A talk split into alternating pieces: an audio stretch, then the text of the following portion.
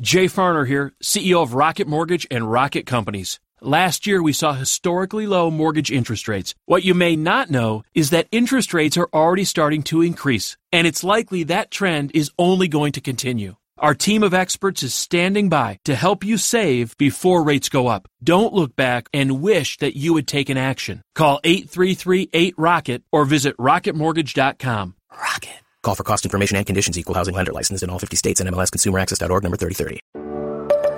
This is what matters most, and I'm Matt Popovits. Look, life is crazier than ever, and lots of people, maybe even you, are feeling anxious and overwhelmed. Today's message is designed to help you figure out what's most important and to experience the peace and joy that God intends for you. Because life is a gift, and it shouldn't be wasted on worry. I'd like to give you a resource, something to help you navigate the road ahead. Just go to mattpopovits.com, click on the icon, and we'll send it to you. That's Matt, P-O-P-O-V-I-T-S dot com. And hey, if you happen to live in the Houston area, I'd love to see you on a Sunday morning at St. Mark in Spring Branch. Head to stmarkhouston.org to plan your visit. Here's today's message. Thanks for listening. Um, here's something that I've noticed about myself and uh, that I've noticed about the world in general, about human beings. I want to see if you agree with me on this one. I have noticed that as human beings, we tend to learn from our mistakes in the little things, but repeat our mistakes in the big things. Your brother will figure out how to go from worst to first in his fantasy football league. Like he worked really hard at that. But he can't figure out why every job ends with him hating his boss and looking for work, right? Figure out the little things, repeats the big things. Or, or you have finally cracked the code of how to no longer waste a Saturday afternoon and get frustrated putting together IKEA furniture. You've discovered that you just can't buy it at all, right? But every so often you run your finances into a ditch. We learn from the little things, we repeat the big things. This morning, we are starting a conversation called This Time Around. And the big idea is this on a regular basis, you and I, we get a second shot at some really big things. Every once in a while, we get a, a second go around at something big. So, so maybe you are starting a new job, or you're out of one relationship looking to get into the next relationship, or you're expecting another child, you're starting a new school year. There's something new for you. And the elephant in the room for you, and maybe for some others who are watching you, because people watch us, right? The elephant in the room for you is will this time around be any better, any different than the last time around? Will you learn from your mistake, or will you do what we kind of do with the big things, which is repeat them? And we're going to talk about how Jesus Christ, about who he is and what he has accomplished for us, how he addresses the issues that are at the heart of our habitual hangups, and how the person of Jesus Christ, he gives us peace with our past, and he gives us hope for the future, and He invites us to walk a path where this time around can be fundamentally different than the last time around. And I don't know about you, but for me, that's a timely conversation. Uh, my wife and I just had uh, our second child. We're very excited about it. But, but if you're a parent, and if you're a parent of more than one, this reality came to me quickly. Even though you think you did a decent job with the first one, Don't tell my oldest. There are some mistakes I'd like to not make with the second one, right? How will things be different this time around? Uh, let me give you this. I, I will assert this for you, and, and again, see if you agree with it or disagree with it. I would offer to you that one of the main reasons we repeat some of the big mistakes in our life is because we are either naive about ourselves or we are negative about the world. We are either naive about ourselves or we are negative, I would even say apathetic, about life. We're either overestimating our abilities and we have a mindset that says, well, I know that seems like a poor choice, but I'm the exception to the rule. That's naive. Or we're kind of resigned. We get out of one opportunity into the next opportunity, and there's something in us that says, well, if it goes south, that's just the way things are. Or if it ends up as a bad choice, that's just how it is with me. That's my lot in life. So, for example, the naive person will get out of a toxic relationship and they will decide to move on to something better. That's a good thing. But here's where the naivete creeps in. They will think that, that based on their experience alone of having been with a bad person, based on that experience alone, things are going to be different the next time around. They say to themselves, now that I know better, I'm going to choose better.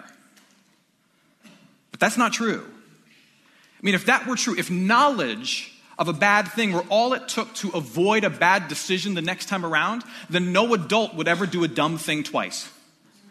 But you and I both know some adults that do dumb things not two times, but like 27 times, right? It's called a brother in law, right? If that were true, if all it took were knowledge of the right thing to avoid the bad thing, then you'd never have to scream at a teenager. Because a teenager, a 17 year old, for the most part, they know what the right decision is. There's just something in them that isn't ready to make that right decision yet. Which is why when you yell at them and say, no, you need to do this, they look at you and they say, I know. I know. Well, apparently, knowledge isn't enough because I need you to do. The great philosopher, the great philosopher, G.I. Joe, he once said this Now you know, but knowing is half the battle, right? There's more to it. The negative person, the negative person, um, the negative person will get a new job. And despite the excitement of getting a new job, they are already certain of how that new job is going to end. It's going to end with them carrying out a box full of their stuff and crying and calling their dad. They know for certain that's how it's going to end. But for both of those people, the naive person and the negative person, the end result is the same. This time around ends up looking like the last time around because they either overestimated themselves or they predetermined that this is just gonna stink. If you had to put yourself in one of those two buckets, which would you put yourself into? Would you say that, that you tend to be more naive or you tend to be more negative? Which of those for you is a, is a factor in your decision making? For me, I, I have a gold medal in underestimating my problems and overestimating my abilities. But that's just me. Now, now, with that said about ourselves, let's invite the scriptures to speak to us. And just, I'm going to give, I'm going to give things away here. Um, the, the, the big point is this Jesus loves you anyway. Okay? Romans chapter 8. Keith, you read this for us uh, just a few moments ago, but I'm going to highlight verses 28 through 31. Romans 8, 28 through 31. If you have a Bible with you, if, uh, if you have like an actual hardcover bound book called the Bible, this, these would be good verses to underline or to kind of circle. Um, if you have your Bible like on a phone, don't do that on the screen. I don't think your protection plan covers that, all right? Listen to these words Romans 8, starting at verse 28. And we know that for those who love God, all things work together for good, for those who are called according to his purpose. For those whom he foreknew, he also predestined to be conformed to the image of his Son, in order that he might be the firstborn among many brothers. And those whom he predestined, he also called. And those whom he called, he also justified or declared not guilty. That's what that means. And those whom he's justified, declared not guilty, he also glorified. What then shall we say to these things? If God is for us, who can be against us? Now, now I want to highlight two things about these, these passages here. I want to look at the promise of these words, but also the person who is writing these words, because both of them matter. The promise of these verses uh, boils down to this uh, Paul is the man writing these words, and what what he's saying is that Jesus is the guarantee that despite our past problems, God is working a good plan. Now, if you're going to write anything down this morning, here's a clue that'd be the thing to write down, okay? Jesus, his life, his death, his resurrection, is the guarantee that despite our past problems, God is working a good plan. Now, if you're here uh, and, and you don't consider yourself a Christian, here's what you need to understand about something Christians believe. We hold to this idea that, that if I'm here as a, as a baptized, forgiven follower of Jesus Christ, that I'm here in that state because before I was born, God wanted me to be a part of his family, and he wanted you to be a part of his family. And so he set forth this plan where he sent his son to accomplish that, to make that possible. Because there's all this stuff in me, there's all this stuff in humanity that disqualifies me from membership in God's family. God is holy, and just ask my wife, I'm not. That creates a problem.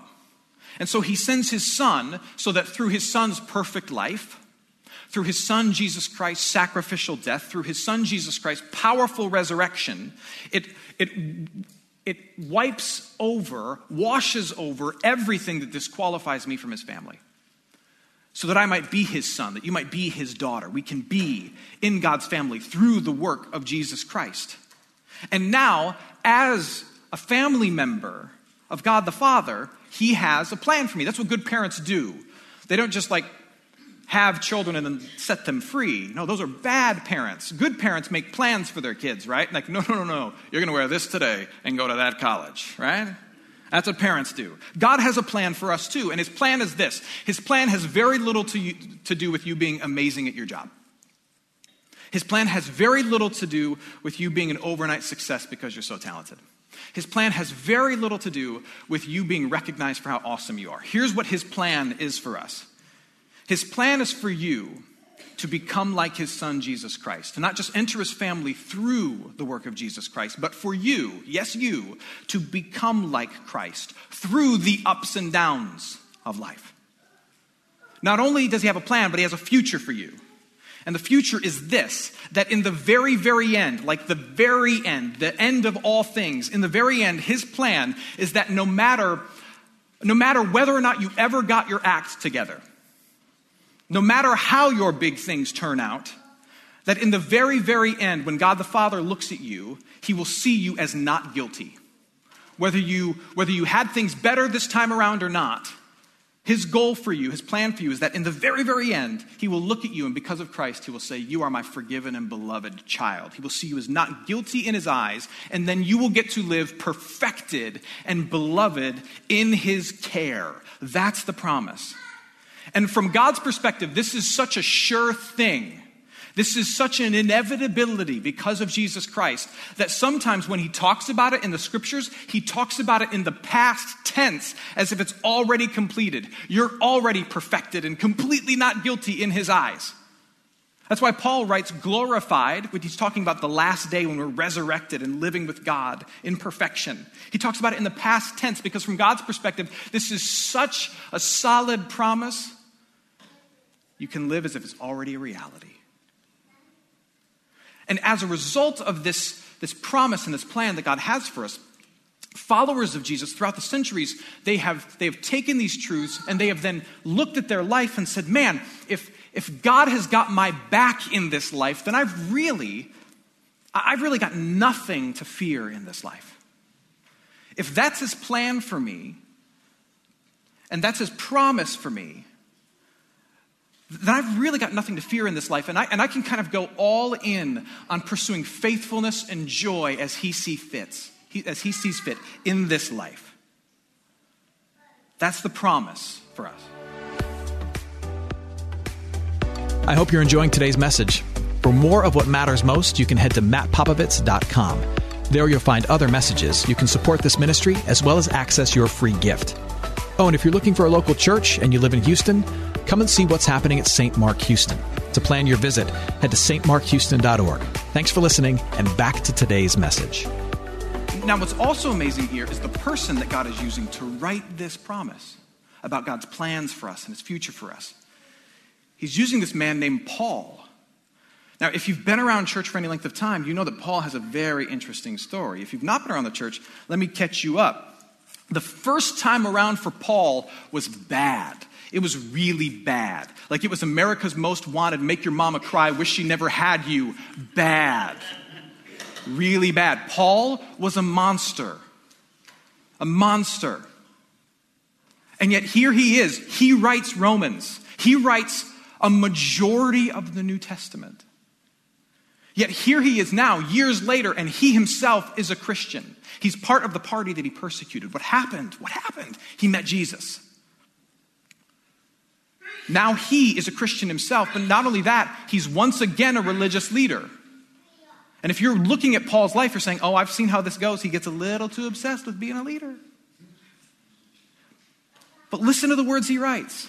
He writes as a man who is completely forgiven. He writes as a man who is fundamentally and drastically changed. And God uses him to write the words we just, we just read, where it says, Look, guys, guys, God works all things for good. God works all things for good. And for Paul, all things meant your murderous, evil past. For Paul, all things meant the blood that was on his hand. For Paul, all things meant the guilt that was in his conscience. For Paul, all things meant the horrible reputation that he had. He said, God works all things for good. And, and if you look at those promises and you consider the person who is able to write them and believe them, you're left with no choice than to say, if this is true, then the Jesus that Paul and we worship is unbelievably powerful. Now, one of the questions we have to ask ourselves in this is okay, well, how does that work? Uh, certainly, Matt, you're not saying that that there's a guarantee that, that Jesus is going to make my life perfect and better. No, I'm not saying that. Jesus himself said, In this world, you're going to have trouble. So please don't hear me as saying, no matter what your situation the first time around, Jesus is going to give you your best life now. I'm not saying that. But I am saying that the power of Jesus is so overwhelming that it does change us. And it does promise us that the power of Jesus is stronger than the mistakes of our past.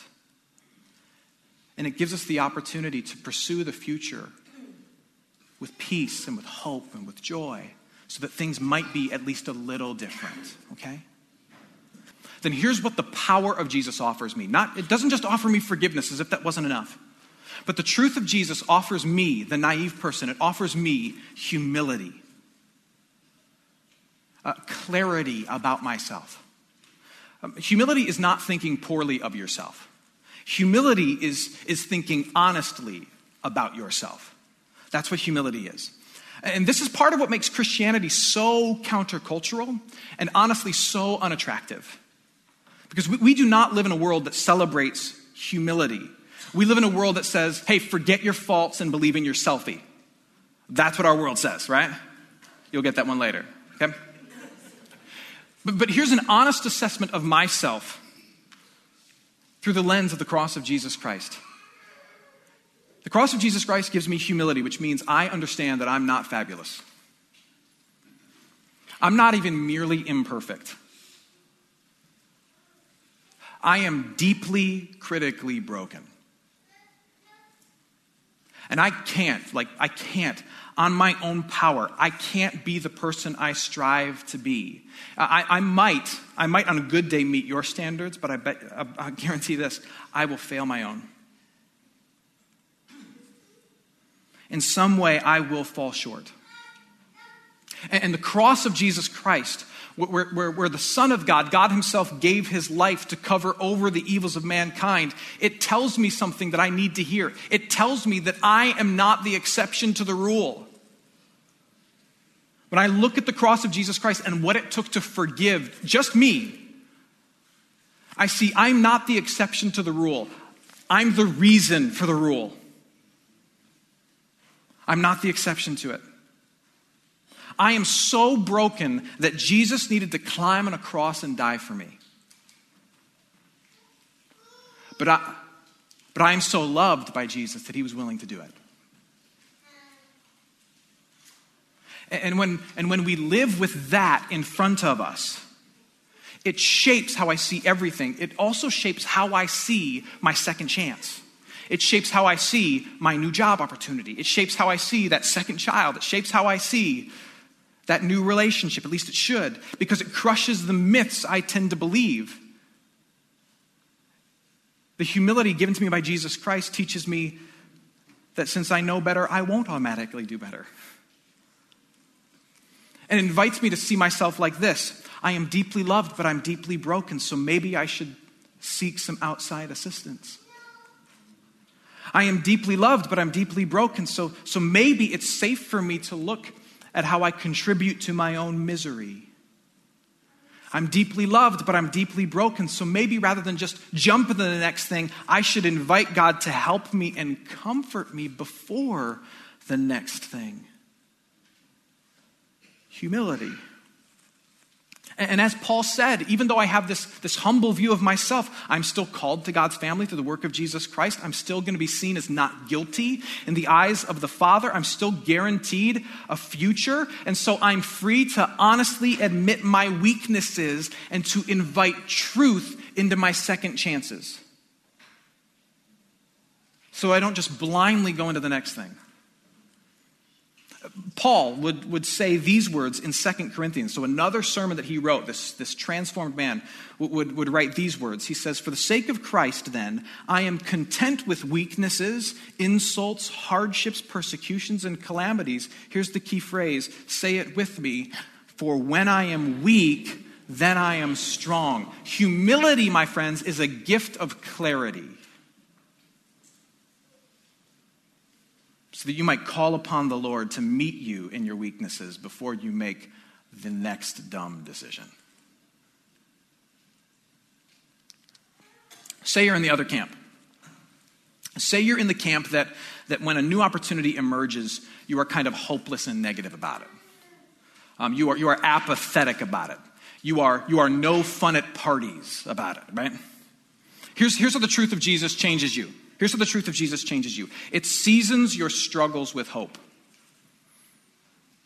The truth of Jesus changes you because it seasons your struggles with hope. If this is who you are, if you're kind of Eeyore at the next opportunity, what I want you to hold on to is this, these words of Paul that says, God is working good in all things.